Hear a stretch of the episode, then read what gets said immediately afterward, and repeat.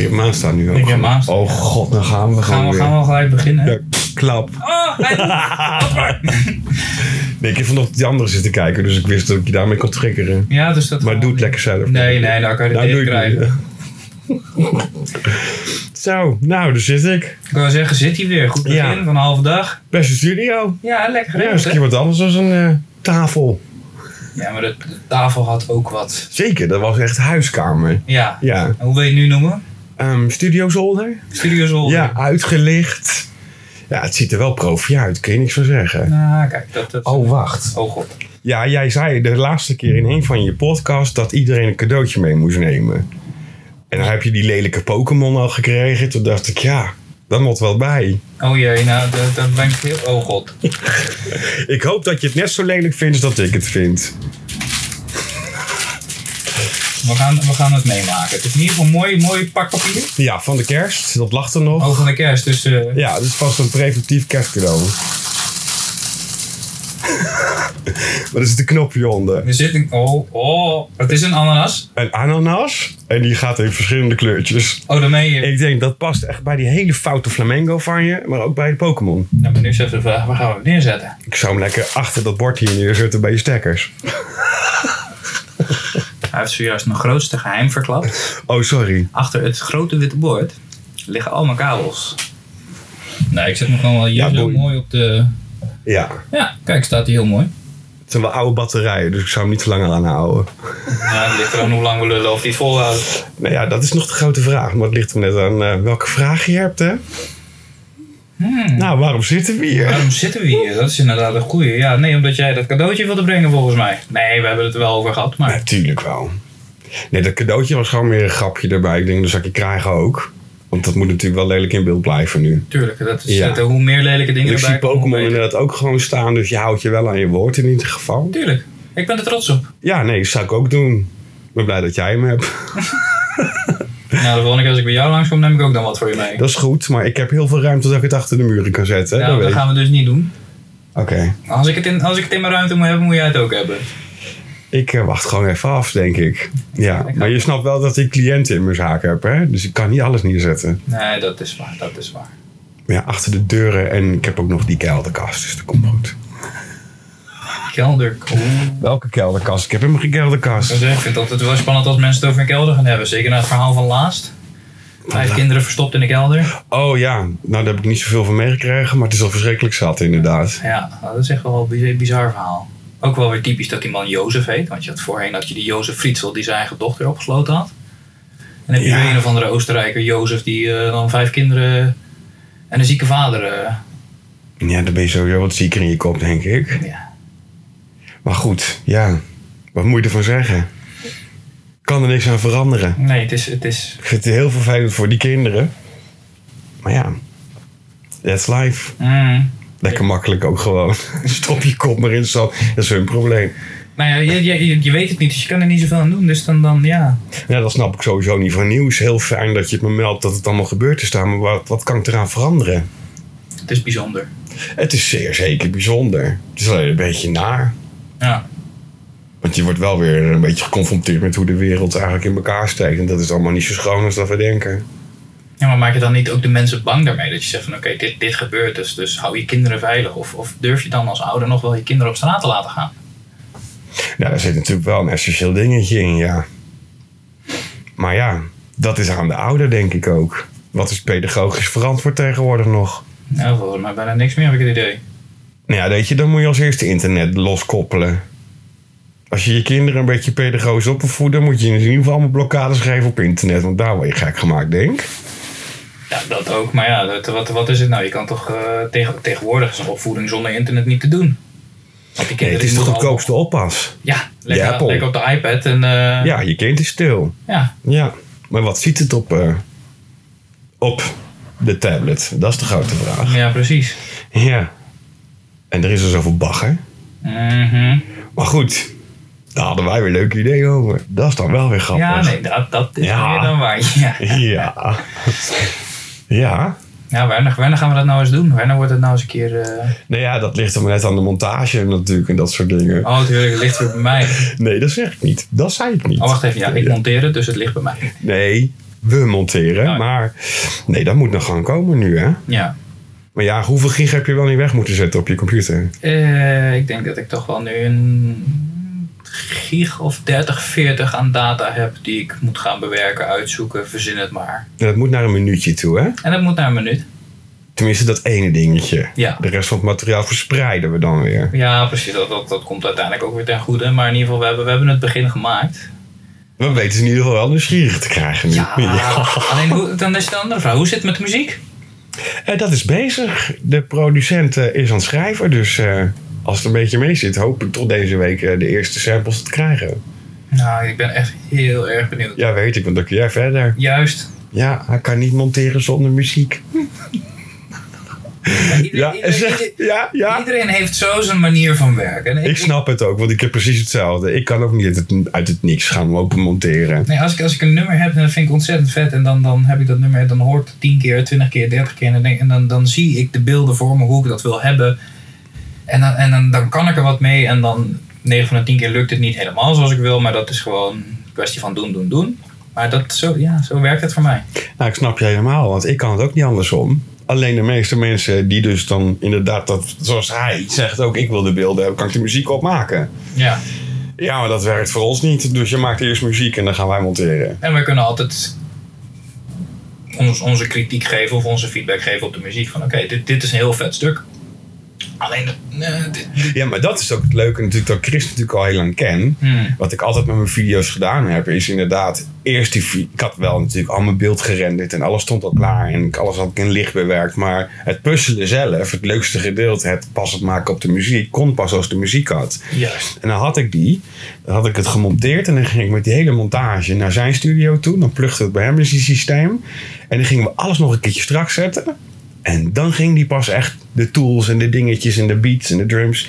Dan ging het erop zetten. En dan keek je je eigen filmpje terug en dan denk je: oké, dit is weer een nieuwe beleving. Ja, precies. Dat is ook wat we hier natuurlijk mee moeten gaan doen. Mm, nee, Ja, wat is de, het? De, Ja. de, de rauwe edit eerst gewoon klaar hebben met de muziek en dan, eh, dan kunnen we... En dan gaan we tunen. Ja, Ja, en dan kan het pas eigenlijk naar buiten. dus ergens eh, eind volgend jaar eh, zijn we klaar. wat ik al zei, dat ligt er maar net aan hoe snel de muziek is. Ja. En hoe snel je computer meewerkt natuurlijk, want het is natuurlijk ook een traag ding. Ja, ik, sponsor allemaal op Giro voor een nieuwe computer. Ja, 4295.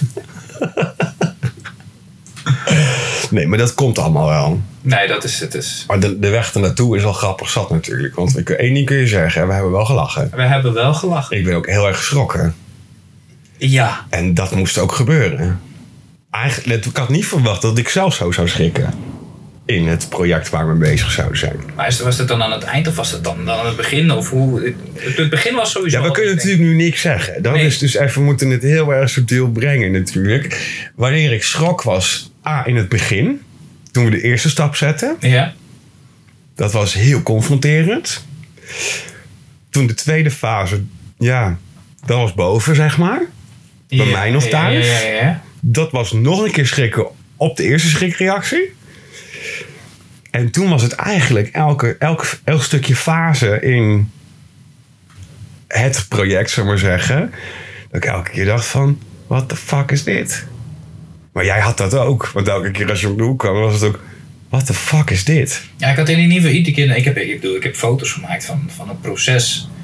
Uh-huh. Van, van, nou ja, van begin tot eind inderdaad. Dat we daar op die, die nou ja, vliering, wat was het, zolder zaten. Ja, het is de, ja, de, de vierde, zeg maar, ja. En ehm daar ik echt op een gegeven moment had ik, had ik een foto 1 en toen dacht ik van oké, nou dat ziet er wel grappig uit. En dan op een gegeven moment die laatste foto, ik dacht ik van yeah, Het kan gewoon niet. hoe dan? Ja, maar ja, dat. En dan is het... Ik doe dit natuurlijk zoveel. Bij anderen. Mm. En nu in één keer besefte ik wat de kracht erachter was. En dat was natuurlijk precies het item wat wij straks natuurlijk met dat filmpje willen gaan bereiken. Ja, ja, ja. Door mensen eens even heel erg duidelijk te maken van... zie jij werkelijk wel hoe het werkelijk is? Want dat was eigenlijk de uitdaging in, in, het, in het Secret Project. Ehm, is de realiteit die je kent ook de realiteit die je leeft? En daarin kwam ik mezelf natuurlijk ook keihard tegen in dat project toen we ermee bezig waren. Maar ook de reacties. Kijk, ik had natuurlijk Jolanda en Humphrey, die liepen ook door dat pand heen. Die wisten ook niet wat ze meemaakten. Nee, precies. Die gozer die een pakketje kwam brengen, die, die, die wist ook niet waar die kijken moest. Nee, maar dat, dat was voor, Dat was- voor hem helemaal spannend. Ja, maar op dat moment voor mij dus ook. Want toen besefte ik, in eerste instantie besefte ik niet, ik sta er zo bij. Totdat ik besefte, ik sta er zo bij. Waardoor ik die reactie weer kon snappen van die, van die man. Ja, en dan komt het in één keer fucking dichtbij dat je denkt... Ja, maar dit wordt wel een statementje natuurlijk. Ja, ja, ja. Absoluut mijn hobby niet. Het is niet dat we, dat, dat dat iedere week gaat gebeuren. Nee, nee, zeker niet. Zeker niet. Kijk, die ambities heb ik gewoon compleet niet. Dat ten eerste. Ten tweede, ik eh, ben enorm showy, maar dat gaat me echt te ver. maar ook omdat het zo ver buiten mezelf stond. En dat maakte het aan de ene kant heel intrigerend. Wat maak ik nu mee? Ja. Want je kruipt dus wel gewoon een rol in. Alleen hoe ver, hoe ver, hoe ver van jezelf ben je verwijderd dat je je daar nog prettig in voelt? Nou, ik heb nieuws voor je. Totaal niet. Je was, je had echt gewoon, je was gewoon compleet, eh, eigen, eigen, eigen gevoel was weg. Ehm, elke keer als ik het zag, wat ik gemaakt had, besefte ik... A, fuck, wat ben je goed in je, in je werk. En B, wat kun jij dan inderdaad ook mensen helemaal op het verkeerde spoor zetten. Want dat is mijn werk natuurlijk. Mm. Ik kan van een lelijk eentje de prachtigste zwaan maken. Dat is een feit. Maar als je dat in één keer dan voor je neus ziet gebeuren, dan is dat wel... eh, ja. En natuurlijk de reacties ook om ons heen. We hebben natuurlijk zo gelachen. Ook omdat het gewoon eigenlijk te komisch voor woorden is dat je dat gewoon zit te doen. En daarin ook de gêne voorbij ben. Want dat was wel een dingetje voor mij natuurlijk. Dat ik in eerste instantie zat had van... Waar begin ik nou eigenlijk aan? Wat haal ik me wel niet op mijn hals? Want ja, het is best een ding. Ja, ja, ja. Laten we wel zeggen, hè, ik heb natuurlijk best mijn naam opgebouwd. Ik heb een carrière opgebouwd. Maar als dit filmpje straks naar buiten komt. Zo. Aan de ene kant denk ik, fuck alles en iedereen. Want we hebben het met een bepaald doel gedaan. Mhm. Maar stiekem in mijn onderbuik ben ik wel een beetje zo van...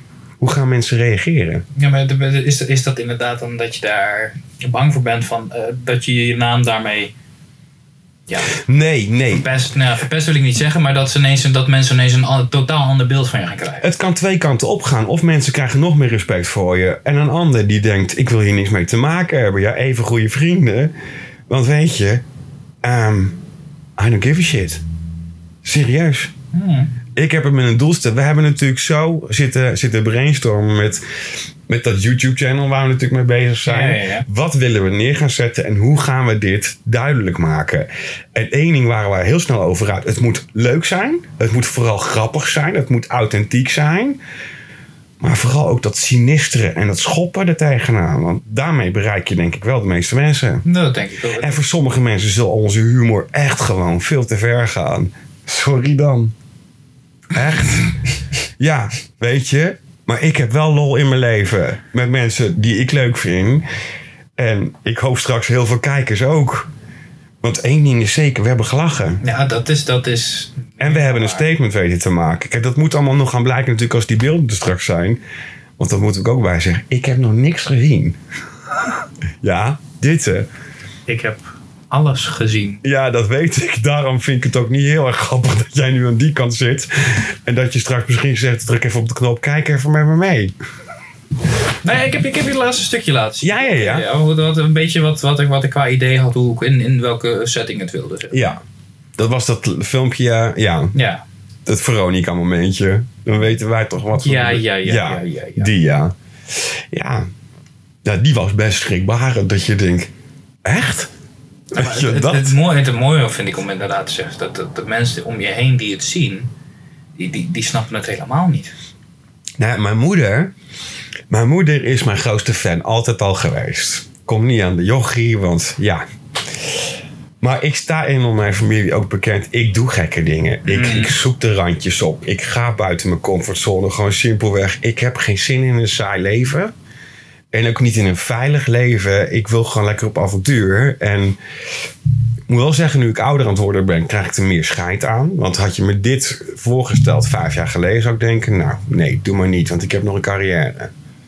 En nu denk ik: Ja, ik heb een carrière en die blijft er. En degene die me hierop veroordeelt, joh, doei. Ook prima. Maar er valt niks te veroordelen. Nee. En ik denk dat daarin de grote magie van het... Hey, ja, dat, nou maken we ze wel heel nieuwsgierig natuurlijk.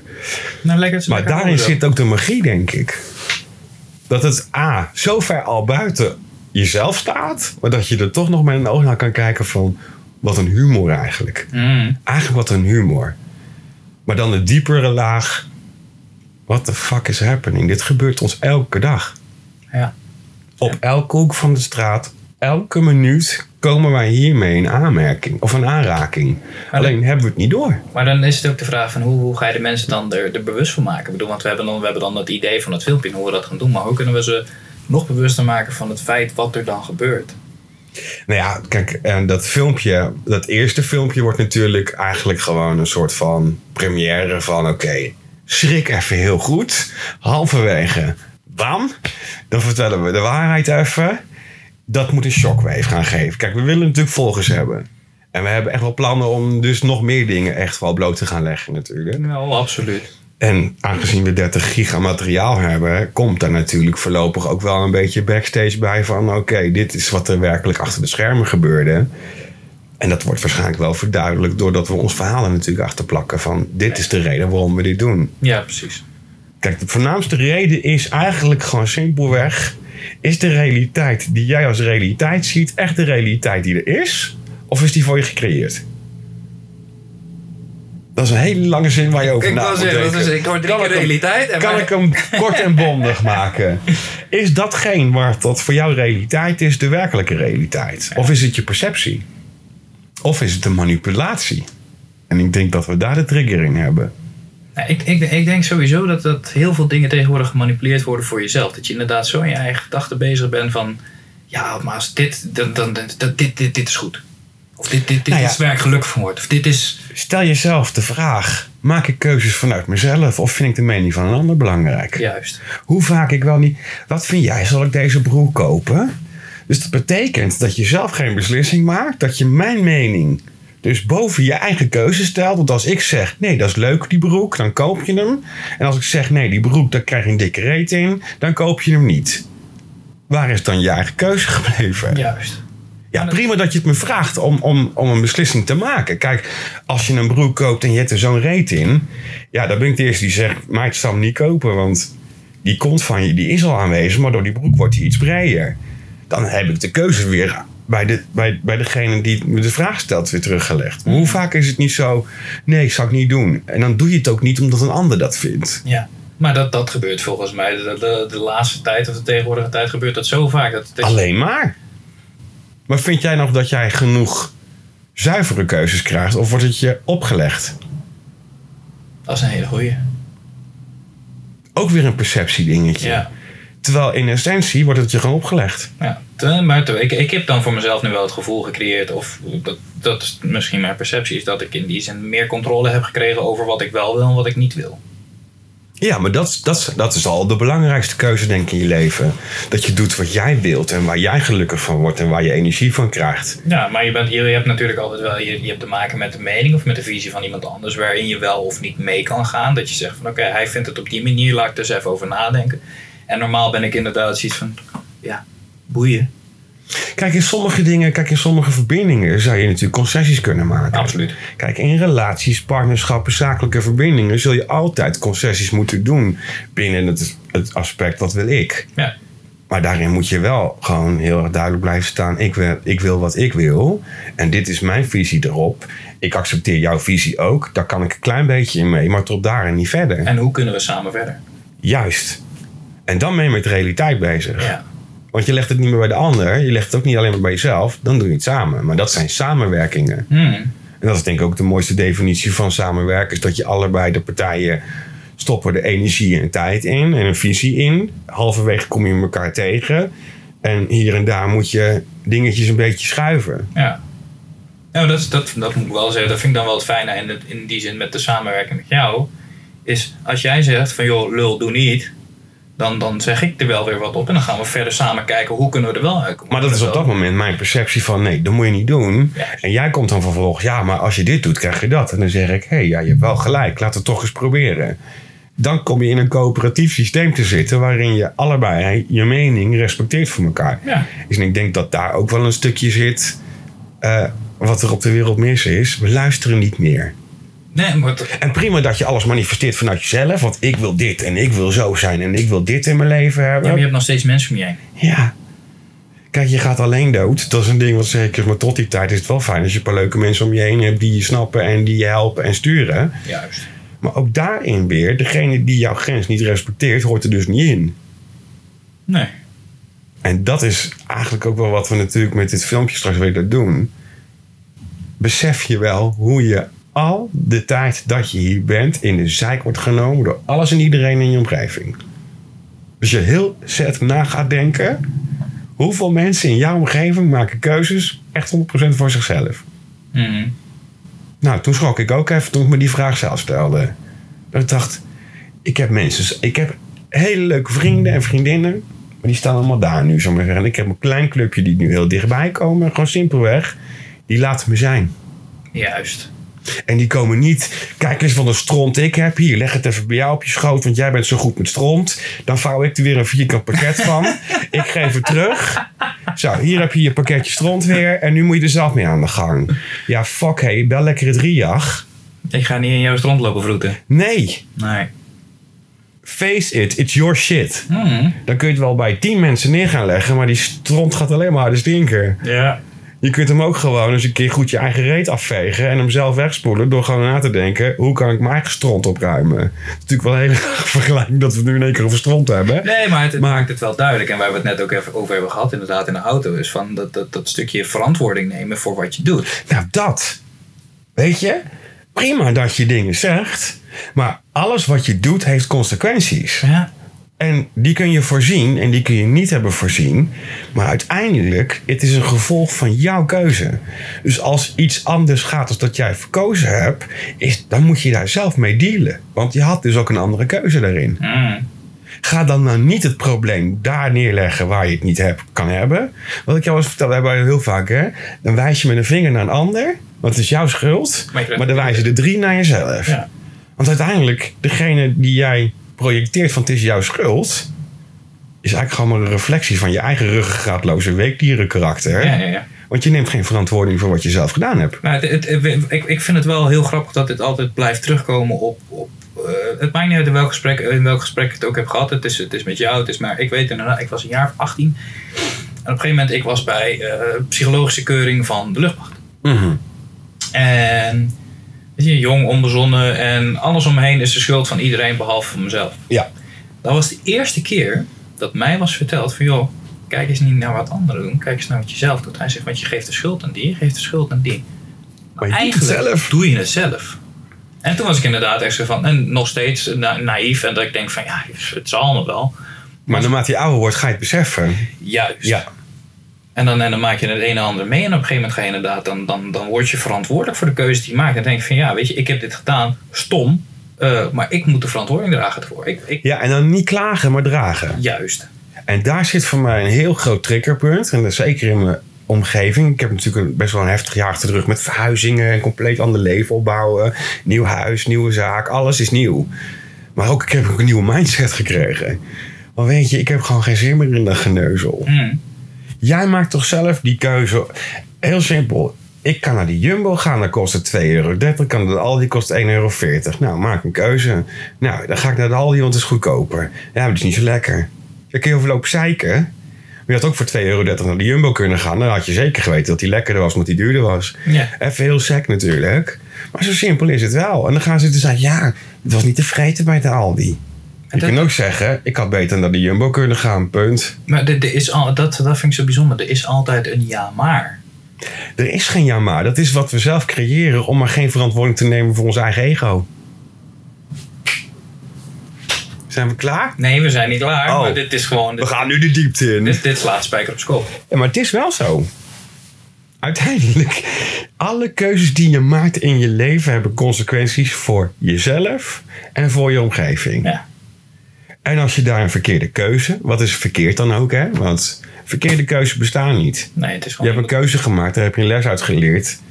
En dan komt natuurlijk, hoe ga je ermee dealen? Ja. En dan, dan komt bij mij de verkeerde, niet klagen, maar dragen. En je hebt heel veel mensen die dan inderdaad zeggen... Ik heb spijt van die keuze en dat had ik nooit moeten doen. Maar ja, dan denk Nou je ja, dat is achteraf de koe in de reet kijken. Ja, Prima, dan weet je nu welke keuze je wel moet maken. Koe in de reek. Ja, ken je die uitspraak niet?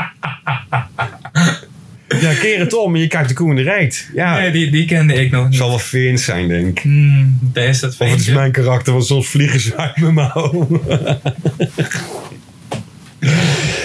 ja. Ja. Achteraf is natuurlijk elke keuze stom, misschien. Nou, maar En dat betekent dat je beter moet nadenken over de keuzes die je maakt. Ja. Ja, en voor sommige keuzes weet je van tevoren, dat wordt lastig. Maar ook dat is een stukje acceptatie. En dan niet bij jezelf neerleggen, dat komt hierdoor, of dat komt door hem, of dat komt door haar. Nee, Dat is je eigen keuze. het komt allemaal door jezelf. Ja. En ik denk als we dat stukje empathie naar onszelf weer terug gaan pakken allemaal. En ons niet laten gek maken door alles wat ons verteld wordt. Want dat is eigenlijk een beetje de, de grootste essentie achter het project waar we mee bezig zijn. Wat laat je je vertellen? Hmm. En waarin denk je zelf na en waarin maak je zelf je keuzes? Want heel veel keuzes worden voor ons gemaakt. En, en, en hoe worden die, hoe, leg dan uit inderdaad van hoe worden die voor ons gemaakt? Wat, wat? Nou, ehm, wat is er nu in de mode? Geen flauw idee. Nou ja, ik dus ook niet. Ik zit helemaal in de fashion-industrie. Maar wat er in de mode is, zal me serieus om mijn reet roesten. hè. Want wat er in de mode is, is datgene wat degene met de meeste volgers... de meest grote bek vertelt wat de mode is. Als Madonna morgen zegt... eh, zwarte nagellak van mannen is hip... gaat dan haar, haar hele fanbase geloven... Madonna zegt zwarte nagellak is in. Dus wat gaan we met z'n allen hysterisch doen? Oh, dat is de trend, want Madonna zegt het. Dus dan ga je weer, dit is niet je eigen keus, maar dit Nee, is de keuze van De keus van Madonna is: ik ga lekker iedereen wijsmaken dat zwarte nagellak helemaal hip in de mode is. En dan heb je een stel bunch volgers, no offense, prima, die zich laten leiden door de keuze van Madonna. En die denken: nou, laat ik dan ook maar zwarte nagellak gaan proberen, want dan hoor ik erbij. Hoor je hem aankomen? Ja, maar dan krijg je vervolgens, maar dan, dan komt het volgende. Dan heb je inderdaad, nou, jij, jij hebt je zwarte nagellak. Ja. Vervolgens komt eh, een van je beste maten, die komt langs en zegt, waarom heb je zwarte nagellak? En die Ja. gaat je daar weer op beoordelen. Ja. En dan kan ik zeggen: ja, maar dat zegt Madonna, dat is hip. Dus leg je die keuze bij Madonna. Ja, Maar je kunt ook zeggen... Ja, nee, ik hoorde op de radio dat Madonna dit hip vond. En eh, ik vind het zelf eigenlijk ook wel hip. Dus ik dacht, ik doe het. maar niemand zegt ik vind. Nee, Want ze zeggen allemaal, ja, dat ze volgen. Ze, Ze ja. volgen. En ik heb natuurlijk ook heel vaak in de zaak. Dan is het nu in één keer de trend. We gaan allemaal naar rouge en velvet kleuren en purper tinten. Ja, maar als je zo'n bleek scheetkop hebt met rossig haar van nature... moet je er geen paars overheen flikkeren. Want dat is natuurlijk gewoon de plank in Zertogenbos neerleggen... en in Amsterdam een klap erop geven.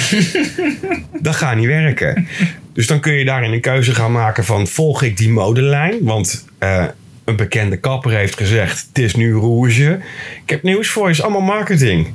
Weet je waarom rood inkomt in de, in, de, in, de, in de herfstmaanden? Niet omdat alle temperaturen buiten veranderen en de blaadjes zo leuk oranje worden. Hè?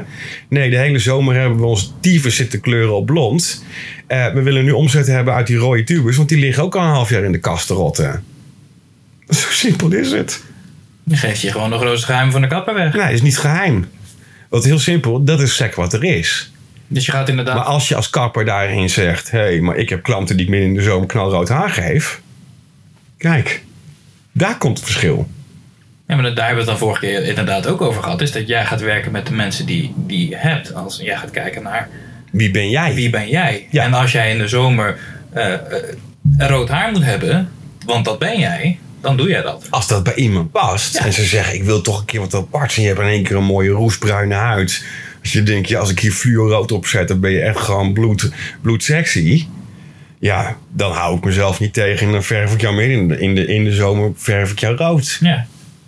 Maar dat is niet omdat ik de mode volg. Nee, omdat ik zie dat je dat kan hebben in je karakter of in je attitude of je bent eraan toe. Maar het standaard blond in de zomer en bruin en rood in de winter, dat is voor heel veel mensen eigenlijk al opgelegd. En wat, wat is dan dat, dat hele. Waar, waarom, ik bedoel, even een andere, andere tak van sport is, je hebt dan het, het assige of dat grijzige. Het- Ja, ik dat muizige. gewoon- Ik noem het gewoon grijs, want je wordt gewoon grijs. Ik bedoel, grijs staat gelijk aan oud worden. In die zin, de meeste mensen die, die oud worden, die worden grijs. Nee, dat is ook een keuze. Waar, waar, waar- nee, dat, je kan je haar ver... Nee, maar dat snap ik. Maar Ja. Voor mij is het heel sec. ehm, als je oud wordt, word je grijs. Ik begin ook grijze haren te krijgen. Pluk jij er ook af en toe uit. Soms zie ik er ook nog eens eentje dat ik denk van... Och, begin ik nou al? Ja, nu kan het nog. Kijk, als straks de hele contour vol zit, moet je het niet meer doen. Want Nee, dan krijg je net zo'n contour als ik. Ja. Ehm, waarom zou je dan de keuze maken om grijs te worden? Waar, waarom, waarom is oud worden dan ineens hip? Ik, ik, zo zie ik het dan even. Ja, nou dat is dus jouw perceptie op, op het modebeeld van nu, zullen we maar zeggen. En dat modebeeld is nu al ruim twee jaar bezig. Op een gegeven moment, we gingen natuurlijk van altijd glanzende kleuren. We hebben een hele lange tijd dat het haar heel erg gestileerd was. Toen werd het in één keer in 1995, ik wil er geen kut aan hoeven doen, ik wil wakker worden, het moet goed zitten. Eh, nu kom je met plaatjes van Kim Kardashian en we willen er nog steeds geen ruk aan doen. Het moet zo zitten als je wakker wordt, dus daar zit een andere verschuiving. Maar in één keer kwam die trend van het moet metallic en het moet allemaal as het moet allemaal mat. Eigenlijk simpelweg om de volgende reden. We begonnen met dat wit-grijzige haar. Dan was het eerst helemaal spierwit en dan was dat er zo'n blauwige grijze gloed overheen. Alles moest koudblond. Nou, zal ik je vertellen waarom we dat als kappers besloten hebben met elkaar? Althans, de werkgroep die boven de kappers de modelijn van Nederland bepaalt. We gaan kapot aan de thuiskappers. Maar thuiskappers hebben lang niet zo ver doorgestudeerd op pigmentaties, impigmentaties, kleurenleer, noem het allemaal maar op. Een kapper die daar wel mee bezig is, die kan communiceren met kleuren, letters en cijfers in die kleurensegmenten, zou ik maar zeggen. Maar het is heel makkelijk, want elk merk heeft wel een tubetje chocoladebruin. Het, Mm. hè, een heel breed spectrum aan kleuren. Je ziet nu heel veel bedrijven eh, of merken compactere kleurlijnen maken om de kapper weer te stimuleren om na te gaan denken over kleuren. Want het is een hele studie. Ik ben nog steeds aan het studeren op kleur. Ik ben 25 jaar verder in het vak en nog kom ik erachter dat sommige dingen anders werken als dat ik had aangenomen. Wat gebeurde er op een gegeven moment? Die hele markt werd op een gegeven moment overgenomen door de beun. De tientjes kapper die lekker thuiskomen. En dat is prima. is ook een business, zullen we zeggen. Jammer genoeg, want daardoor is onze business natuurlijk alweer gekelderd. Want daardoor blijkt ons vak toch een beetje ondergewaardeerd. Het heeft toen de Nederlandse haarmodelijn gezegd, weet je wat? We maken een haarmodelijn waarin je zo professioneel moet zijn om dat te bereiken, dat niet iedereen het kan. En toen kwam wit-grijs. Want laat me je één ding vertellen. Ik vind hem al moeilijk om te maken en ik kan het heel goed. Maar als ik het kan voorkomen, doe ik het liever ook. Want het is maar een proces. En daarin zit dus, wil je dat soort haar hebben, zul je naar die kapper toe moeten die daar wel voor gestudeerd heeft. Want iemand die het thuis doet en er niets van af weet, die durft er al niet eens aan te beginnen. Nee, precies. Want één keer feun en je blaast je haar van je af. ja, dat is de andere kant weer. En een beuntje die pas twee jaar in het vak zit, kan dat niet voorzien. Ik zit, zit al 25 jaar in het vak. Als ik jou tien vragen stel op hoe vaak heb jij je haar gekleurd, welke kleuren zitten eronder, weet ik precies wat ik kan verwachten. Mm. Dat is gewoon kennis en, en een wetenschap die je opdoet in je, in je professie. Maar goed, dan komt er op een gegeven moment natuurlijk de trend mat. Dus niet alleen de merken hebben daar baat bij gehad, want die gingen dus ook extra matte tinten creëren. Want het is een verschuiving. Het is geen trend meer, het is een verschuiving. Want we wilden gewoon een keer wat anders. Het was altijd namelijk standaard. In de winter ga je warm en in de zomer ga je helder. En nu is het in de zomer ga je lekker mat grijs blauw. En dus in de winter doe je dat ook, omdat het de trend is. Maar ja, die trend is al anderhalf jaar voorbij. Want degenen die er nu pas mee komen, dat zijn trendvolgers. Je ziet nu namelijk weer heel erg in het modebeeld, dus datgene wat we jullie allemaal weer gaan opleggen. Mm. Je haar moet super gezond zijn, het moet super glanzen. En dat krijg je alleen maar voor elkaar als je weer volle warme kleuren gaat gebruiken. Dus dat muizige grijs en dat mat en dat poepiebruin en dat groenbruin en blauwbruin. Het is saai als de pleuris. Voor mij als kapper zijnde, ik krijg daar geen mooi haar van. Nee, oké. Dit wordt een beetje stoffig. Maar vaak als kleuren weer terugkomen in de mode, gaat het met de mensen vaak ook weer beter. Dus als we weer echt haarkleuren gaan zien, zie je vaak ook het modebeeld weer veranderen. Als we kleuren in de winkel krijgen met kleding, dan gaan we goed. En als het allemaal zwart, grijs en wit is, dan gaat het... Dan staan we aan de vooravond van recessies. Is dat zo? Het is heel grappig, maar het is altijd zo geweest. Op het moment dat het modebeeld heel kleurrijk wordt, komt er positiviteit na een regressie. Mm. Heb je een regressie, zie je toch dat we de tonen naar beneden gaan doen, want we willen niet meer expanderen. Dus we houden het lekker mat en muisig en saai. Maar dan, Kijk. dan, dan zou je toch juist de, de, de, de idioot moeten zijn die zegt van ja, fuck dat. Ik ga kleuren doen. Want in donkere tijden wil ik juist. Nou, daar heb je dus, wat is de realiteit achter de realiteit? Madonna roept, we gaan lekker zwarte nagellak doen. Ja, en als Marie van der Ven of een Leco of een Ricardo hier in Nederland zegt... ja, maar roze is helemaal de mode. Wie geloof jij? Ricardo. En waarom? Omdat je me kent en jij vertrouwt me. En jij denkt van, nou, die Ricardo die heeft er verstand van. Maar als ik lekker, lekker zeg, nee hoor, het is gele nagellak. Omdat ik dat mooi vind, heb je nog steeds diezelfde mening. Ja. En jij maakt dus de keuze dan, dan ga ik in mee.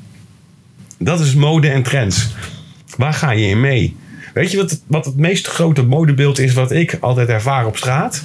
Nou, Als ik dan in zo'n stad loop en dat loopt dan zo'n beetje zo'n volwassen typeje. Met knalpaars haar met roze punten. Afgetrapte schoenen en zo'n lekkere lange jas. En ze kijkt alsof ze overal scheid aan heeft. Dat vind ik fucking fashion. Want dat betekent dat jij als individu scheid hebt aan die hele industrie van zo moet ik eruit zien. En je hebt je eigen met zulke tieten en zo'n reet net als Kim Kardashian en een laag smuk op mijn smoel. ja. Nee, zij blijft authentiek. Ze kiest een kleur uit die haar afzet tegen de rest van de massa. Ja, en dan ben je in mijn ogen hip. En dat wordt door de meeste mensen, kijk die er lopen. Ja, Ziet er toch ook niet uit? Maar het wordt veroordeeld inderdaad. Van ja, dat kan niet. En in die veroordeling zit eigenlijk de grootste veroordeling naar jezelf. Want je wil niet erkennen dat de vrouw die je daar ziet lopen compleet zichzelf is. En jij wil dat om zeep helpen omdat je het zelf niet bent.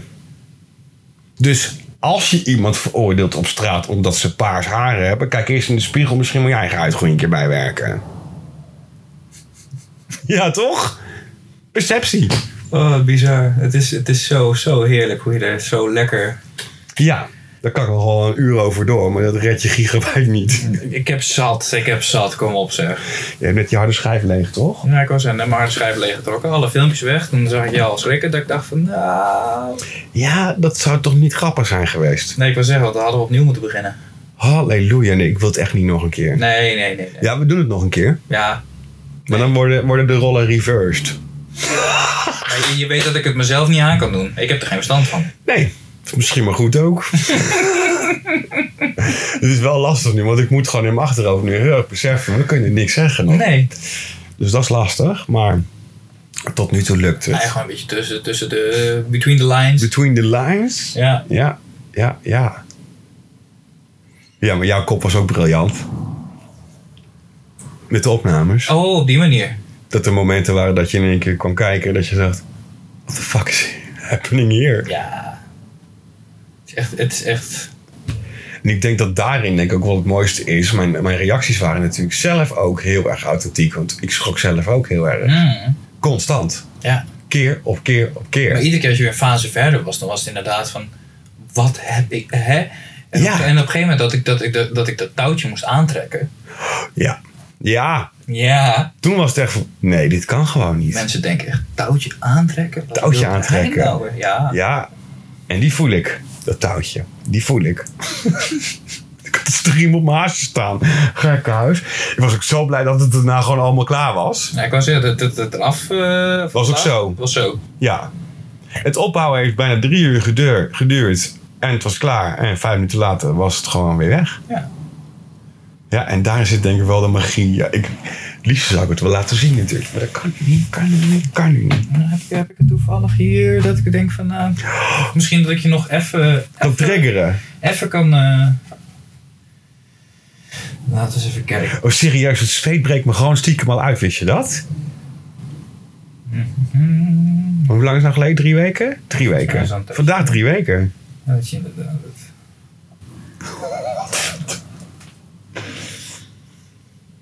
Ja, ik zie mezelf natuurlijk gewoon zoals ik mezelf zie. Ja. Maar ehm, ja, Nee, maar wat je zei, de reacties inderdaad, er, omheen, dat, dat, dat, dat, ja. Dus je kijkt inderdaad, nou ja, dit is, dit is dan hoe we begonnen. oh, het is toch... Ja, En dat, dat, dat was voor jou al het shock nummer één. Eh, ja. En dan op een gegeven moment dan krijg je, nou ja, dit, dit, dit valt daar. Nou, een beetje hetzelfde idee. Ja, maar ik zie gewoon aan mezelf dat ik niet in mijn comfortzone zit. Ja. Want dit is echt gewoon ver weg bij mijn comfortzone. En dan, dan, dan Mijn god, hé. Lelijk? Nou ja, lelijk, maar... Ja, en op een gegeven moment dan, dan, dan, nou ja, dan heb je dit inderdaad. En dan, dan zie je al wel, Daarin zie je natuurlijk al wel die, die transformatie. ja. Ja. Ja, confronterend. Bedankt. En dan krijg je inderdaad gewoon dit. Dit, dit gewoon dat, dat, ja. Ja, ik, ik Ja, dit, is een, dit is een momentopname. Deze mag je echt wel wissen gewoon hoor. gaan we dus even niet doen, hè? Nee, nee, dat komt er nou wel. Ja, als, als we er klaar mee zijn, dan, eh, dan, doen we Daar zijn we er ook klaar mee. dan doen we het in een donker hoekje. Sluit het op. Ehm, ja, gewoon onderin een harde schijf en dan ergens achter de zolder eh, Wordt niet meer gebruikt. tegen beter weten in. Ja. Ja, weet je, het is natuurlijk wel een onderwerp waar, je, waar we gewoon echt wel op door, kunnen gaan. En we hebben ik- content genoeg. Want vooral de backstage, zullen we zeggen, daarin komt natuurlijk het verhaal wat we willen vertellen straks gewoon heel erg duidelijk naar voren. Maar ik denk ook wel dat het een onderwerp is wat gewoon... ten alle Nou ja, tijden kan. Iedereen, man, vrouw, kind, bejaard of wat dan ook, krijgt hiermee te maken op dagelijks niveau. Ja. Niet zoals wij het geprojecteerd hebben, maar in essentie wel wat we projecteren. Daar ben je constant mee bezig. Als je de supermarkt loopt, is het niks anders dan dit.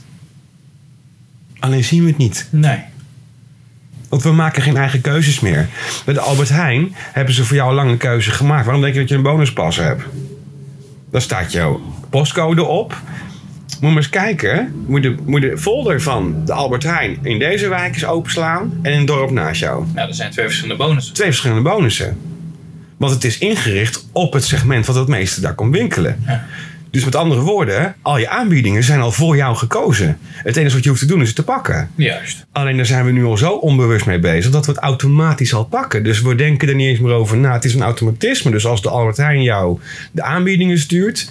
Heel simpel. Alles wat ik in de bonus zie, dan denk ik, oh, die pak ik even mee. Twee appelflap, ja, het is wel slecht voor mijn taille, maar ze zijn maar een euro nu. Mhm. Die keuze is dus al voor mij gemaakt. Ja. Ik hoef hem alleen nog maar even te pakken. Maar kan je, kan, je, ben je, kan je dan nog bewust zijn van die keuze? Want ik, dan, maar dat, dat is dan mijn gevoel erbij. Zoals ik inderdaad bij de Albert Heijn boodschap ging doen. En ik had bijvoorbeeld de bonus. En ik zie ineens dat de, de, eh, hoe zeg je dat, de wasmiddel in de bonus is. Dan denk ik dan inderdaad van score. Want normaal is dat schreeuwend duur. Ja. Dan denk ik, oké, dat neem ik gewoon even mee. Dan heb ik het maar vast. Dan hoef ik de volgende maand niet 20 euro ervoor te betalen. Maar dan betaal ik nu een tientje. Dus de winkel heeft voor jou gedacht. En jou getriggerd van, vergeet je niet even je wasmiddel. Want normaal is het duur. En nu heb ik het even goedkoop gemaakt voor Ja. je. Je neemt het wel mee. Ja. Met andere woorden, het is niet jouw keuze geweest. Kijk, dat kun je natuurlijk heel ver doortrekken. Hè? Het is natuurlijk ook zoeken, zoeken, zoeken naar wat is dan mijn keuze hierin. ja, maar dat is dat stukje marketing wat je... Juist. Het is allemaal marketing. En er is geen volk zo goed in marketing als het volk wat we nu op de aardekloot hebben lopen, ontlopen. Mhm. Kijk naar die hele Instagram-cultuur. Het is standaard met filters. Ik heb nou al gehoord dat die nieuwe telefoontoestellen... Hè, er zitten automatische filters op. Je Ja, krijgt geen reëel beeld meer. Je Ja, krijgt maar dat gewoon- vond, dat vond ik al zo bizar volgens mij een paar jaar geleden. En dat, of een paar jaar geleden, volgens mij is het twee, twee of drie jaar geleden. En dat, dat Samsung die standaard die functie had als je een selfie maakt. Dat inderdaad al je poriën ineens weg waren. Dat ik denk van, Ja. jij voor lelijke foto. Nee, de foto is op zich niet lelijk. Maar het, degene Het- die erop staat klopt niet meer bij de realiteit. Ja, dat hebben we natuurlijk ook in onze eerste podcast hebben we dat heel erg natuurlijk onder de loep genomen. Hoe dat in de huidige generatie nu natuurlijk aan toe gaat. Heel sec. Er wordt je constant voorgehouden wie je moet zijn om het perfecte ik te zijn. Ja. Maar, de, maar En niemand kan eraan voldoen. het bizarre vind ik gewoon in, in die zin is of je het nou over Instagram hebt of je over Facebook hebt. Ik zit voor de gein wel eens op Tinder. Gewoon eens even kijken van wat, wat gebeurt er? Wat, hoe reageert men? Hoe, hoe, hoe, hoe ziet men eruit? Wat, wat is nou hun. eh, hoe, hoe ziet hun werkelijkheid eruit? Ik ben inderdaad benieuwd naar.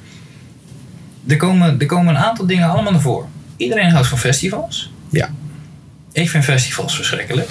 Dus nou ja, dat, dan zijn we al, dan wordt het al niks, hè? Heel simpel gezegd. Iedereen lacht. Ja. Niemand staat er met een zagrijnige porum op. Nee. Eh, Niemand heeft, heeft poriën.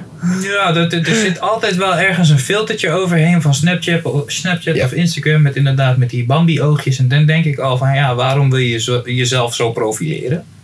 Nou ja, dat is een beetje de Pikachu-generatie. Zeg ik dat nu, noem ik het de Pikachu-generatie, omdat ik net op poppetjes zie staan. Maar het is jezelf dus ombuigen naar een ideaalbeeld wat Snapchat voor je geregeld hebt. En die filters zijn hartstikke komisch hoor. Dat je in één keer een hondenneus of een paar oren hebt van een Hartstikke konijn. leuk, maar dat, dat is toch niet... Maar hoe dat oud ben je in godsnaam? Op. En, eh, wat, wat hadden we nog meer? We hadden inderdaad... En, en iedereen heeft dezelfde hobby's. Wijn drinken met vriendinnen. Oh ja, dat is een hobby. Ik ga graag... Het is een hobby. Dan denk ik... Nee, dat is geen hobby. Dat is gewoon je tijd... Of niet je tijd verdoen, maar dat is... Dat, ik snap dat Nou ja, we kunnen hier straks natuurlijk ook wel leuke testen mee draaien. Door gewoon eens een keertje, we hebben natuurlijk straks ook een eigen account gaan we natuurlijk wel fixen. Gewoon eens een keer een foto van een bloedzaggerijnige kop erop. Kijken of mensen daarop reageren. Ja. Want de echte authentieke foto's die een momentopname zijn. Ik zie het op mijn eigen ehm likes, zeggen, op mijn Instagram. Nou, doen me die cijfers eigenlijk geen ruk. Want het is mijn klankbord, het is mijn moodboard. Hmm. That's my life. En daar mag je een beetje inkijken. En dat vind ik prima. Ik doe er net, hard, net zo hard aan mee als de rest van de wereld. Maar jij, jij deelt wat je wilt delen. Ja, en Jij- soms is dat jij- een quote. En soms is dat een beeld van mijn make-up die ik kan doen ben. En soms is het gewoon een straattegel dat ik denk, die ligt er leuk bij vandaag. Jij, jij deelt niet om te delen. Nee. Ik deel niet om, om aandacht te krijgen van kijk eens hoe leuk ik ben. Nee. Want het interesseert me geen reet of je me wel of niet leuk vindt. Maar ook echt niet meer. Het gaat me er wel om dat ik mijn... Ja, het is een soort van beeldende kunst, moet je het eigenlijk ook zien. hè. Je profileert datgene wat jij mooi vindt in de wereld. Kijk naar je eigen feed op Insta met, met die foto van dat jongetje. Die blijft me nog steeds constant bij. Maar daar heb je toen zo'n emotie in vastgelegd bij dat kind. Dat ik denk, maar dat is op dat moment jouw perceptie geweest van de wereld zoals jij hem zag. Hmm. En daarin vond ik die authenticiteit. En dat kon ik zo waarderen. En natuurlijk zat er een klein filtertje overheen. Dat snap ik. Dus als je hem ruw pakt, is misschien net die kracht er niet. Ik doe ook alles. Op Instagram zit er altijd een dramatisch filter over. Ja, het is, het is, weet je, je hebt, op een gegeven moment, je hebt, je hebt een rauwe foto. En, en, en ik bewerk mijn foto's in, in die zin hoe ik de wereld zie, inderdaad. Het is jouw perceptie. Het is mijn perceptie Ja. van hoe ik dat meemaak. En ik zeg, en ik wil inderdaad misschien dat een bepaalde kleur wat meer naar voren komt. Of, of, of iets wat meer op de achtergrond komt te liggen. En ja, dat, dat, is, dat is mijn ding. Dat is, dat is hoe ik het zie. Alleen het bijzondere vind ik nog steeds, inderdaad, jij zegt die foto heeft jou geraakt. Dat mensen een foto van mij waar ik in het water sta leuker vinden of interessanter vinden dan een foto die de werkelijkheid laat zien. En daarin hebben wij natuurlijk al heel snel dat gesprek gehad toen jij toen terugkwam van vakantie, toen Ja. je die foto geschoten had. Dat is nou precies waar het misgaat. Mensen willen ook de werkelijkheid niet meer zien, want die doet soms een beetje zeer. Toch? Ja, maar je kan toch niet altijd, altijd eh, in, je, in je schulp gaan kruipen en denken van ja, ik wil geen pijn, ik Jawel, wil geen kan pijn. wel, want het is allemaal voor je gemarketeerd. We hebben het allemaal heel erg son natura. Het is allemaal son natura. Geen kunstmatige kleur- en geurstoffen. Ondertussen is alles nep. Ja? Zonder Natura ook hartstikke... Oh, we zijn zo lekker groen bezig en we zijn zo plantaardig. Heb je gelezen wat erin zit? Nou, de helft is geraffineerde suiker. Nee, dat is lekker en natuurlijk, weet je wel. Het zijn gewoon... Wat maken we de mensen wijs? Nou, datgene wat we je voorschotelen, verkopen we je dus eigenlijk een dogbeeld. Mhm. Vind maar eens één reclame in de avant-garde. Dat is een mooie uitdaging voor je volgers. Vind maar eens één foto van een vrouw met poriën in de avant-garde. Nou, ga je niet vinden. Die ga je nooit meer vinden. Ik heb natuurlijk... Nou, dat, ik moet, daar moet ik wel, dat, dat moet ik wel zeggen, is, eh, de, die, jij pakt dan inderdaad de avant-garde. Wat ik wel goed vind, is bijvoorbeeld is dat Hunke Muller eh, eh, haar modellen aan het variëren is. Ja, Dat, dat vind ik Nou ja. dus wel een, een goed ding. ik heb toevallig daar een, een hele discussie over gehad met een couturier op een gegeven moment. Waar ik een paar keer een show voor deed. En wat me opviel, dat er altijd zo'n maatje kots over het podium heen loopt. Het zijn allemaal van die broodmagere vrouwen. En prima als dat je sfeer is of je smaak is. Ik zal je, niet, ik zal je er niet op veroordelen. Maar je creëert wel een, een beeld. En toen ben ik naar hem toe gegaan. En toen zei ik tegen hem, eens luisteren. Ik zeg, wil jij punten scoren in de fashion-industrie? Ja, natuurlijk, zegt hij. Ik zeg, laat dan de eerstvolgende show eens een keertje maatje 38, maatje 40, maatje 42 en 44 over je podium heen gaan. Weet je wat hij zei? Rot op, daar etaleert mijn kleding niet leuk op. Ik zeg, nee, maar dat is nou net het probleem. Je hebt gewoon wandelende lege etalagepoppen die jouw kleding showen. Want dan ziet het er het mooist op uit. Maar de klant die naar jouw show zit te kijken, hebben allemaal een reet maatje 40, maatje 44. Gemiddelde maat in Nederland, hè, 44. Ja, maar dan, ga je, dan, dan creëer je een gemeenschap Dus- die zich niet goed voelt. En die gaat zich inderdaad dan... Juist. eh, die gaat dan inderdaad... Zo'n couturier zegt dus gewoon letterlijk... Op. Je moet zo'n taille hebben, anders maak ik geen kleding voor je. En dat is niet zo. Het is natuurlijk, kijk, als die vrouw met maat 50 bij hem komt, maakt hij ook wel kleding. Maar het zal er nooit zo uitkomen te zien als op die etalagepop die over het podium heen loopt. Nee. En daarin zei ik tegen hem: Wil jij een keertje dat stigma doorbreken? Zet eens een keer maat 40, 42 en 44 op je podium. Dat de klant die recht voor jouw podium zit te kijken naar jouw couture. kan zeggen: "Oh, Dat zal mij ook zo goed staan, want ik heb zo'nzelfde figuur. Want heel eerlijk, dat maatje kots, maatje 32, geen tieten, geen kont, helemaal niks. Etaleert prachtig. Maar het is geen werkelijkheid, want slechts 8% van de dames in Nederland zit onder maatje 34. 8% van de dames, hè? 8 op de 100 vrouwen heeft dat maatje. En de rest is allemaal groot. 92 van die vrouwen hebben dus een maatje meer dan dat. Ja. We hebben het over een maatje meer. Ik vind een maatje 44 prachtige vrouwen. Ja, maar het, het, gaat niet, het gaat uiteindelijk om de persoon aan zich, toch? Niet zozeer... En natuurlijk, je hebt je, hebt, je, hebt je voorkeur waar je op valt... of wat je, wat je graag zou willen hebben... maar het gaat uiteindelijk om de persoon aan zich. Van, wat is, pas, is jouw persoonlijkheid? Past dat binnen mijn... Ja, en je optiek daarin natuurlijk. Ja. Ik herinner me nog dat dat... Ik weet niet of jij dat ook meegekregen hebt toen op, met, met RTL Boulevard. Dat O.J. Gulson een opmerking maakte over het maatje meer etalagepop bij Hunkemüller. Volgens mij waar ging het om Hunkemüller. Of in ieder geval iets dat een, een bepaalde eh, winkelketen... Laat ik het zo eventjes zeggen, want ik weet niet nu meer zeker welke het is... Een maatje meer presenteerde op een etalagepop. En daar dus ook ondergoed op etaleerde. En dat deze jonge dame gewoon letterlijk aan de desk live in de uitzending zegt... Ja, het ziet er toch walgelijk uit. Het is toch geen gezicht? Nou, serieus, Kreen. Ik had je aan die balie willen zetten. Dan had ik je even verteld dat ik je nu van harte gun dat je nooit meer een zaak mag openen. Met zo'n instelling ben je wel zo fucking zo ver uit de realiteit weg. Ik vind het walgelijk. Dat jij dat durft te zeggen met je opgeblazen rotkop. Nou ja, ik moet zeggen, ik heb, dat, dat heb ik dan weer niet gezien. Ik weet wel dat ik er la, volgens mij een tijdje... Maar een fashionista die een eigen bedrijf gedraaid heeft in fashion. Inmiddels natuurlijk failliet gegaan is. Mm. Nu snap ik ook wel waarom. Als jij zo'n instelling hebt dat je dat als walgelijk bestempelt. Dat wil toch niemand naar kijken, zei ze letterlijk in de uitzending. Nou, ik heb nieuws voor je. Ik wil letterlijk niet meer naar jouw kop kijken. Nee, maar Echt maar niet. ik, ik vind het dan, maar dat vind ik dan weer bijzonder inderdaad. Dan, maar dat, dat is dan mijn, mijn beeld erop. Ik heb, er, ik heb er op een gegeven moment, zag ik er inderdaad, van als het over fashion en weet ik veel wat, wat dan nu nieuwe mode is. En dan zit ze daar met een, een, een jasje met allemaal van die pluimpjes erop en weet ik het allemaal. Dat ik denk van, joh, voor een fashionista, sorry hoor, maar je ziet er niet uit. Ik heb het toen de tijd gehad met die Bastiaan Verschaik. Beste vent voor de rest. Die kunt heel goed stileren, denk ik. Maar als je met 120 kilo in een t-shirt zit... waar de vetvlekken van je tosti nog in zitten... en je durft tegen een meisje in Hollands Got te zeggen... je bent te dik... Nou, weet je, serieus, dan moet je je rotkop kapot schamen. En dan moet je absoluut niet meer in zo'n programma mee gaan doen. Als jij durft te profileren dat zo'n meisje niet genoeg maatje kots hebt... en je zit er zelf met zo'n uitgezakt kadaver... ja, dan ben je bij mij gewoon het verkeerde adres. Ja, maar dat is, dat is dan weer het probleem. Want hij heeft zijn naam gemaakt in, in die wereld en hij heeft daar een, een, een, een visie op gecreëerd. Dus dat wordt maar geaccepteerd.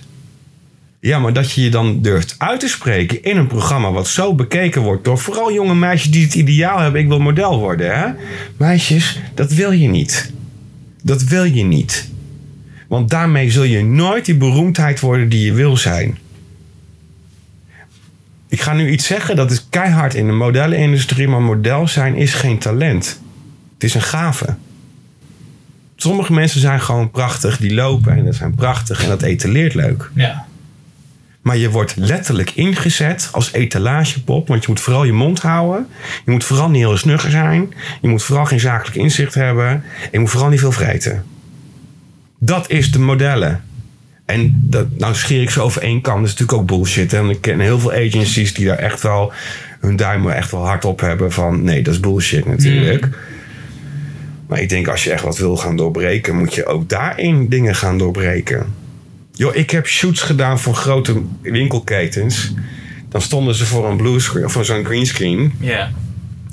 Ik kan de make-up in het haar doen. Nou, dat wordt natuurlijk perfect neergelegd alsof je zo'n bos touw op je kop hebt. Prachtig, maar aan de achterkant zit niks. dat heb ik jou wel eens uitgelegd door Ja, die klemmen. En dan komt de styliste en die trekt jou dat groetje aan. Ze trekt vier wasknijpers uit de rugzak. En ze tailleert dat shirtje lekker op je lichaam. We gaan op de foto, de wasknijpers gaan eraf. T-shirt gaat weer in de doos. En we gaan het volgende kledingstuk erop zetten. Snap je waar ik naartoe wil? Dus zo'n hele Otto magazine of Weekamp is allemaal aan elkaar geluld. Met wasknijpers, haarwerken, goede belichting en een heel glam squad. Ja, zo kan ik de boel ook wel verkopen. Ja, maar de, de, maar de, de goede belichting. Maar hang nu eens een keer dat ding reëel op een etalagepop zonder vorm. Ziet het. En laat zien wat het werkelijk is. Dan lach je je pas kapot. Dan heb je geen business meer. Nee. Je hebt toch wel eens van die Alibaba of AliExpress dingetjes. Dat ze voor bestelling op site ziet het er zo uit. En dan bestel je het en dan ziet het er zo uit. Ja, ja, ja. Nou, dat is de deceptie die we allemaal dus eigenlijk elke keer meemaken. Als je bij zo'n concern bestelt. Ja, ik, ik, blijf, ik blijf het bizar vinden dat je inderdaad om iets te moeten verkopen, om iets kwijt te moeten, dat je ervoor moet liegen, dat je er een, een bepaald beeld voor moet creëren om daar iets mee te kunnen. Maar ja, wat gaan wij zo doen met onze eerste videootje? Exact hetzelfde. We proberen door een marketingtool mensen bewustzijn te gaan creëren dat ze ons gaan volgen. Dus als je het heel sterk gaat bekijken, doen we er net zo hard aan mee. Dan doen we Alleen het grote verschil is, wij durven dat recht in die camera te zeggen hoe het echt zit. Ja. En dat is het verschil. We gaan er niet omheen lopen lullen. Jij mag straks alles zien. Hoe dingen tot stand gekomen. Want dat, zit, dat is eigenlijk de grote grap natuurlijk achter ons project. Het is eigenlijk gewoon blootleggen van de werkelijke realiteit. Zo'n bewustwording. Het is alleen maar bewustwording. Het is alleen maar bewustwording. En net wat ik al zei, ik zit er volop in. Ik doe niks anders als iemand altijd mooier maken, beter maken. Met een andere intentie. Want ik wil de persoonlijkheid daarin natuurlijk zien floreren. En dat is wat marketing met cosmetica ook doet. Als jij de, de, een blaadje openslaat en er staat in één keer een prachtige reclame van kliniek. Nou werk ik toevallig met kliniek, maar eventjes om een tussenweg te pakken. Ja, er zit een prachtige huid op die vrouw. Mm, Maar er is ook een Photoshop overheen geweest. ja. En je leest dat artikel en eh, nieuw met liposomen en vitamine A, eh, potje 149 euro. Even voor de grap gewoon. Als je dat ziet, denk jij meteen, wauw, die mevrouw heeft een mooie huid. Dat wil ik ook. Maar die gebruikt dus dat potje. Dan moet ik dat potje hebben, dan krijg ik ook zo'n mooie huid. Want dat is in essentie wat marketing dus doet.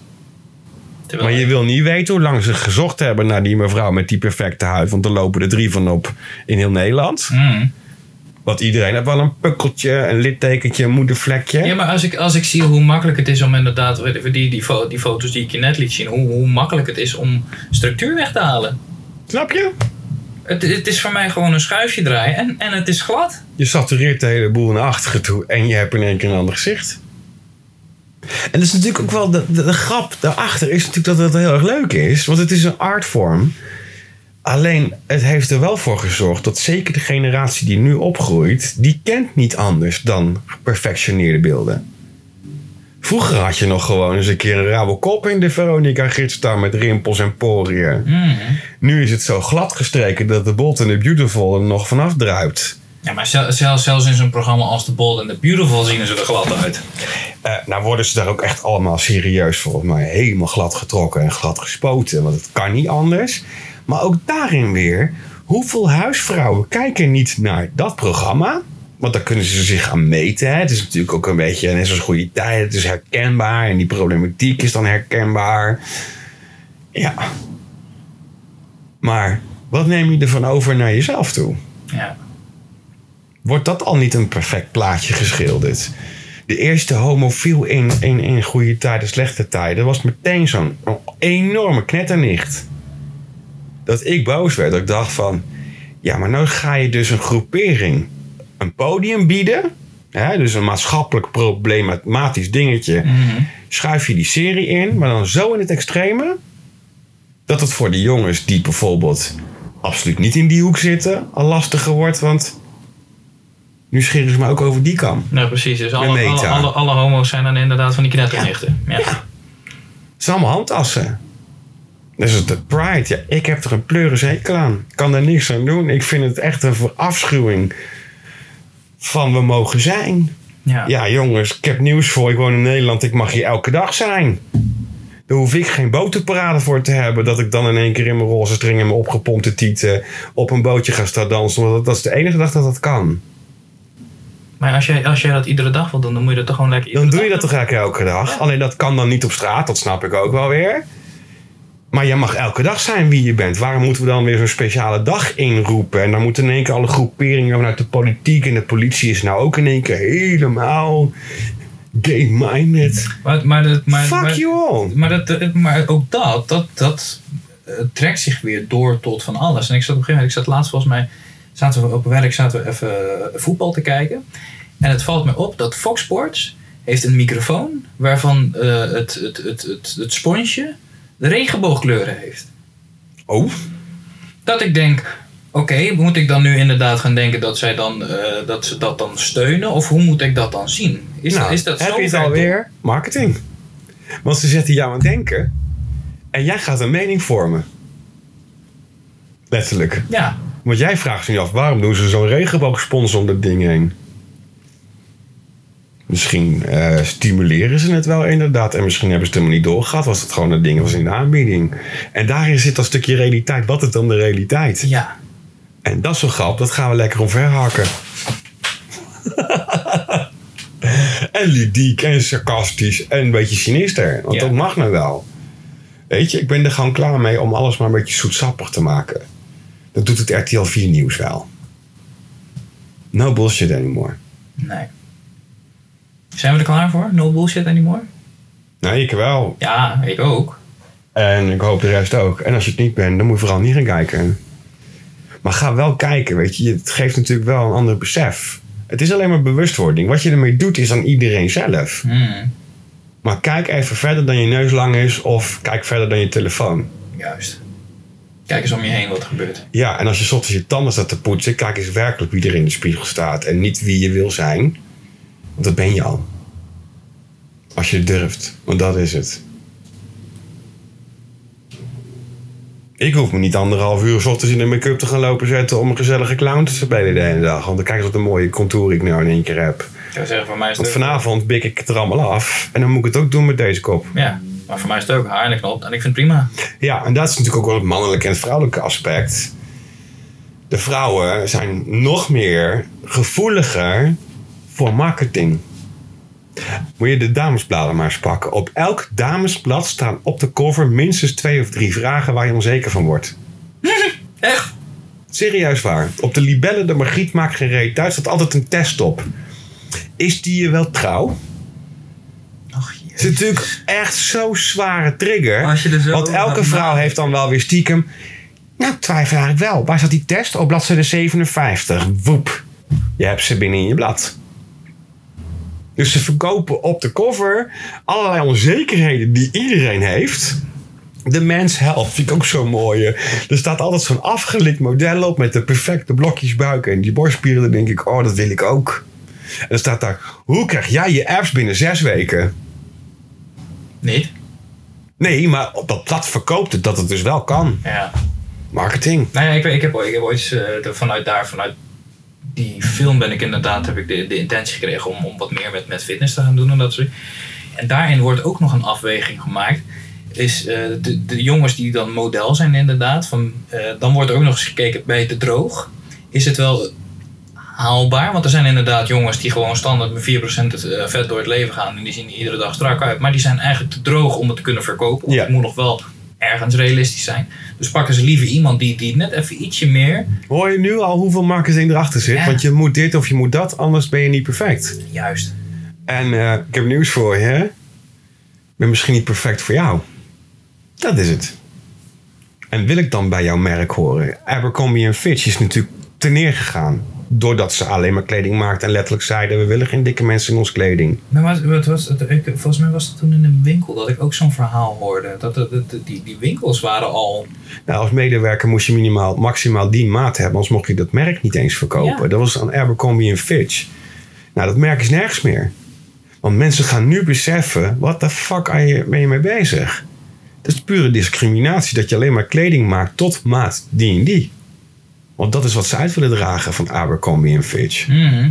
Moet je eens nagaan hoeveel mensen dus helemaal fan zijn van Abercrombie en Fitch. Die delen dus dezelfde mening.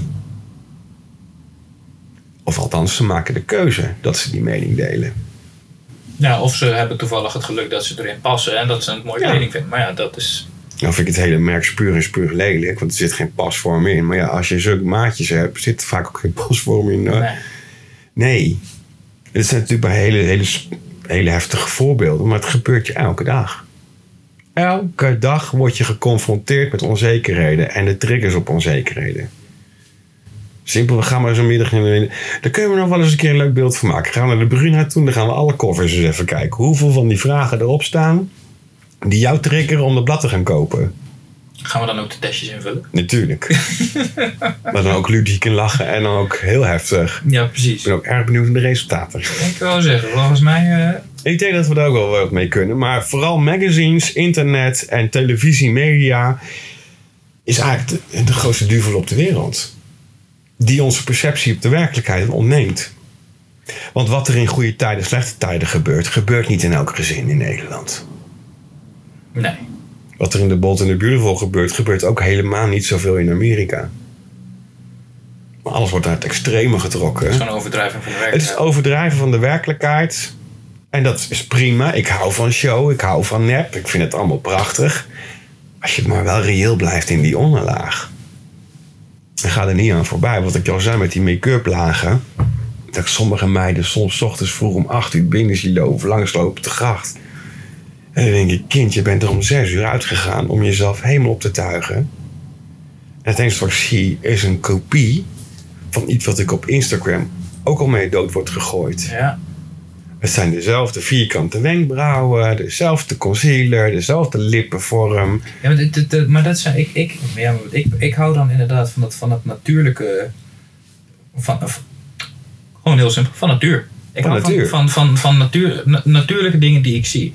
In die zin is je mag best wat make-up hebben, maar er zit af en toe dat je denkt, dan, dan zie je inderdaad zo'n, nou ja, dan denk ik, nou, ziet er grappig uit. zet er een bijtel tegenaan, tik, tik en het hele bekje stort in elkaar. Dat niet eens zozeer, maar er zitten er van die wenkbrauwen op dat ik denk van, nou, Hè? halve meter hoger als je eigen, want dan krijg je een groter voorhoofd of grotere oogopslag. En, En- dat en- Kardashian ook. en ze zijn vierkant. Dat ik denk, hè? Ja, en omberen, want dan moeten ze hier licht en hier donker. En dan moet er een highlight onder, want dan krijg je die scherpe boog erin. En er zijn meiden die scheren gewoon hun wenkbrauwen af en tekenen er elke dag andere op. No offense. Maakt niet uit. Als je je daar prettig bij voelt, blijf het vooral doen. Maar wees je altijd bewust dat er onder dat masker altijd nog jij zit. Hmm. En wat als jij morgen eh, in, de, in de plomp flikkert, je make-up is helemaal weg, je krijgt een ongeluk en ligt in het ziekenhuis. Lig je daar toch als jezelf en niet als je opgemaakte clown. En zullen er dan, dan nog mensen zeggen van, ja, ik moet mijn make-up even bijwerken. Nou, ik kan je verhalen vertellen vanuit de salon dat ze serieus met de weeënstorm nog hun make-up gingen bijwerken, zodat ze leuk op de foto lagen als ze gebaard hadden. Juist. Echt? Ja, maar zo ver gaat het dus al, want men verwacht dat we er altijd goed uitzien. Want we zien niks anders. Ik zie nooit eens een keer een imperfecte kop in de avant-garde of, of in, in, in een L of whatever. Nooit. Pak je de mannenbladen, daar zie je die rauwheid nog wel weer. Mhm. Maar dat wordt ook steeds platter. Ja. Veel meer geshopt. Vroeger had je in de quote nog wel eens van die robuuste kerelkop met echt zulke plooien en zulke poriën. Dan denk ik, kijk, dat is authenticiteit. En dan mo- mooi zwart-wit, weet je wel. Natuurlijk is het verfromfraaid, maar wat er staat is wel wat er stond. Ja. Met een opleukje. Maar in mijn werk als visagist, ik zie ze binnenkomen. Ik kan jou zweren dat je de helft van televisie niet herkent als ze geen make-up op hebben. Maar echt niet. Nou ja, daarin natuurlijk binnenkort meer. Absoluut. Nou, ik vind maar dat, dat ik vind, ik vind, ik vind net, net met mijn pagina inderdaad, ik vind juist de authenticiteit. Dat ik zeg van oké, net als gisteravond, ik ben dan op een gegeven moment, nou ja, ik ben nog tot laat bezig. En dan maak ik even een filmpje van mezelf. Nou ja, Wim, Wim, Wim zijn er niks bij. Maar ik heb dan zoiets van ja, ik ga er toch geen filter overheen gooien. Want dit, ik, ben, ik ben aan het werk, dit vreet energie, ik ben moe, maar het moet klaar.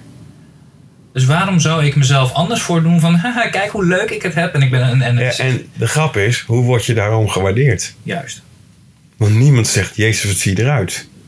Ja, volgens mij gaf ik je wel een kutopmerking toen ook met die ene foto dat je s'avonds nog aan de gang ging. Nou ja, ik weet Dat ik het- zei van, nou, ik zou gaan slapen. Ja, maar ik weet inderdaad bijvoorbeeld eh, toen, toen ik bij jou was geweest, dat we inderdaad even mijn haar gesteld hadden vanwege alle, alle ellende die we erin gestopt hebben. Mhm. En dat ik op een gegeven moment ga, ging, ging ik dat randje opzoeken van Jezus is opgestaan. Oh ja, die foto. Ja. Ja, daar heb je nogal wat, eh, wat stront overheen gekregen, hè? Nou, ik, ik, ik zou Viel nog mee. Het viel nog mee. Ik, de, de reacties. Ik had inderdaad het idee. Mijn, mijn eerste gedachte was inderdaad van ja, hoe gaan mensen dit oppakken? Wordt, krijg ik echt een shit? Nou, ik weet wel dat ik hem toen ik hem s'avonds voorbij zag komen op je Instagram story, dat ik je meteen een vraag stel. ehm, zou je dit wel doen? En ik heb geen negatieve reactie. Nee, maar de grap is, dat was mijn perceptie op dat moment. Van oeh, je schopt nu ook tegen mijn randje. Vind ik dit fatsoenlijk genoeg? Kijk, en daar heb je de realiteit. Ja. Want niemand heeft je erop geattendeerd of gedist. Nee, zelfs, zelfs, Uiteindelijk. zelfs, er was zelfs een, een- ik, ik ken een aantal mensen inderdaad uit de christelijke gemeenschap. En Of, of ze waren niet eerlijk tegen me, maar die vonden het grappig. Nou, het was natuurlijk ook te ludiek voor woorden. Want je zag er ook gewoon uit als het prototype beeldje...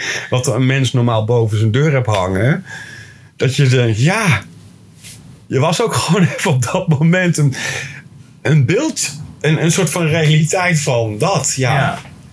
Ja, maar grappig hè, dat dan toen bij mij ook die trigger ging van... Oeh, schrap je daar niet iets te veel ergens tegenaan? Maar daarin ook realiteit. Is het mijn probleem? Nee, jouw probleem. ja, ik heb het erop gezet. Ja, en dan kan ik mijn mening wel opgeven. Ja, daar had je scheid aan. Ja, Maar goed ook, want je kreeg alleen positieve reacties. Als ik hem nu terug zie, dan denk ik, er ook te grappig. ja. Het is er ook te grappig. Mantelkapje erbij, helemaal prima. Nee, maar toen je ook ging staan, dat jij in één keer die blote beentjes eronder had. Was het natuurlijk hartje zomer was het. Je had Ja, dat kapkleed om. Het zwarte kapkleed tot aan je knieën. Mm. En dan kwamen je flipflops. Ja, maar ook weer perceptie. Ja, En zo, eh, ja. zo rolt het balletje en alles wat je doet, rolt dat door. En ik, we hebben nieuws, dat gaat keihard rollen straks. Oh. Ja, wel hè. Ik, ik, ik, Ik verwacht hier wel even een, een, een reactie op. Dus eh, ik, denk, ja, ik denk het ook wel. Ik denk inderdaad dat wij een, een, een, iets los gaan maken. En, en er zijn, er zijn, ik heb wel een beetje zitten kijken, er zijn wel meer van dat soort dingen. Maar ik denk dat wij wel echt tegen het extreme aan gaan schoppen. nou weet je dat ook komt? Ik zoek graag het randje op. Jij gaat er heel makkelijk overheen. Bewijzen van. Ja. En daarin komt die balans in één keer. Dat we op dat randje blijven schommelen. Dat is denk ik ook wel een beetje de kracht. Ik heb natuurlijk veel te veel bewustzijn van... Ik heb ook nog mijn imago hoog te houden. Maar die ben ik ook al kwijt. Ik denk, fuck it. Als dat mijn nieuwe imago is, is dat mijn nieuwe imago. En als je daar een mening over hebt, mag je het hebben. Zet hem er vooral onder. Mm. Maar wees vooral bang voor antwoord, want je krijgt er antwoord op. Ja. Punt. Je mag me alles vragen, je mag alles zeggen, maar weet wel, je krijgt het ook. Ja, ik heb wel zin in eigenlijk om, om dat online te gaan flikkeren. Ja. Dus als het online staat, volg, volg, volg, volg. Van ehm, Subscribe en die bel aan en alles. alles. Eerst even nog wachten op de muziek. Ja, gooi het daar maar op. Ja. Lekker makkelijk. Ik heb muziek nodig. Zand, kop, naar beneden. nee, dat komt goed. Ik zal hem straks nog wel eens even een appje sturen. Top. Kijken hoe ver die is. Oké. Hoeveel hebben we nou geluld? hè? Volgens mij, eh, we zitten oh, nou, een uurtje, een kwartier. Prima. Oh, dat was net als de vorige keer. Ik wou zeggen. Ja, Ja, nou is de spanningsboog al weg. dit is, het moet ook echt wel... eh, enorm zeiken. Dus moet je, nou, dan ga je toch lekker naar de wc, hoor. ja, maar ik, ga- ik ga toch niet halverwege die video. Dat kan niet. Nou ja, dan hou ik ze wel bezig, hoor. Dan eh, Oh, je gaat nog eventjes... ga ik eh, gewoon lekker liedjes zingen. dat wil ik meemaken. Nee, dat gaan we dus niet doen. Jawel, nou moet je het doen ook. Nee, dat gaan we niet doen. Wat vinden jullie? Even je comment eronder, hè? Moet je een liedje zingen? Dan, als, als jullie allemaal ja zeggen, dan ga ik de volgende keer, pak mijn gitaar erbij. En dan ga ik een liedje zingen. Hoor je dit? Ik zeg niet wat voor een liedje, maar ik ga een liedje zingen. Moet je dan give a fuck welk liedje? Als jij... Je, dan wordt wel lachen. Dat wordt wel lachen, want ik heb je wel eens horen zingen.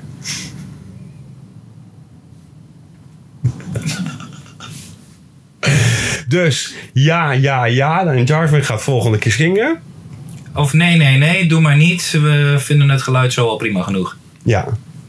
Maar als ik heel eerlijk mag zijn, doe toch maar ja. Want ik wil het ook wel meemaken. Je lacht toch kapot. Dat is reality, man. Ja, dat, het, Ja. Wat is nou je werkelijke stem? dit is mijn werkelijke stem. Overdag ben ik een kabouter. En ja, S'nachts. dan sta je in de paal en maakt die alle meisjes gek.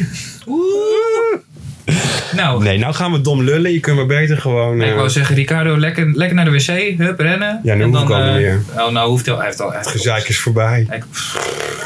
Hij heeft over mijn stoel in zitten pissen. Nee, dat niet. Dat vind ik zonde van je nieuwe Ikea-stoel. Nou, Zit er trouwens wel goed. Zit goed, hè? Ja. Lekker hobbelen en zo. Ja, is alleen een bak koffie, maar goed. Ja, die heb je al gehad, dus niet zeuren. Ja. Wil je nog een bakje koffie? Dan gaan we dat zo even lekker maken. Nee, doe me geen koffie meer. Nee. Word ik te wakker van. Oh, moeten we niet hebben.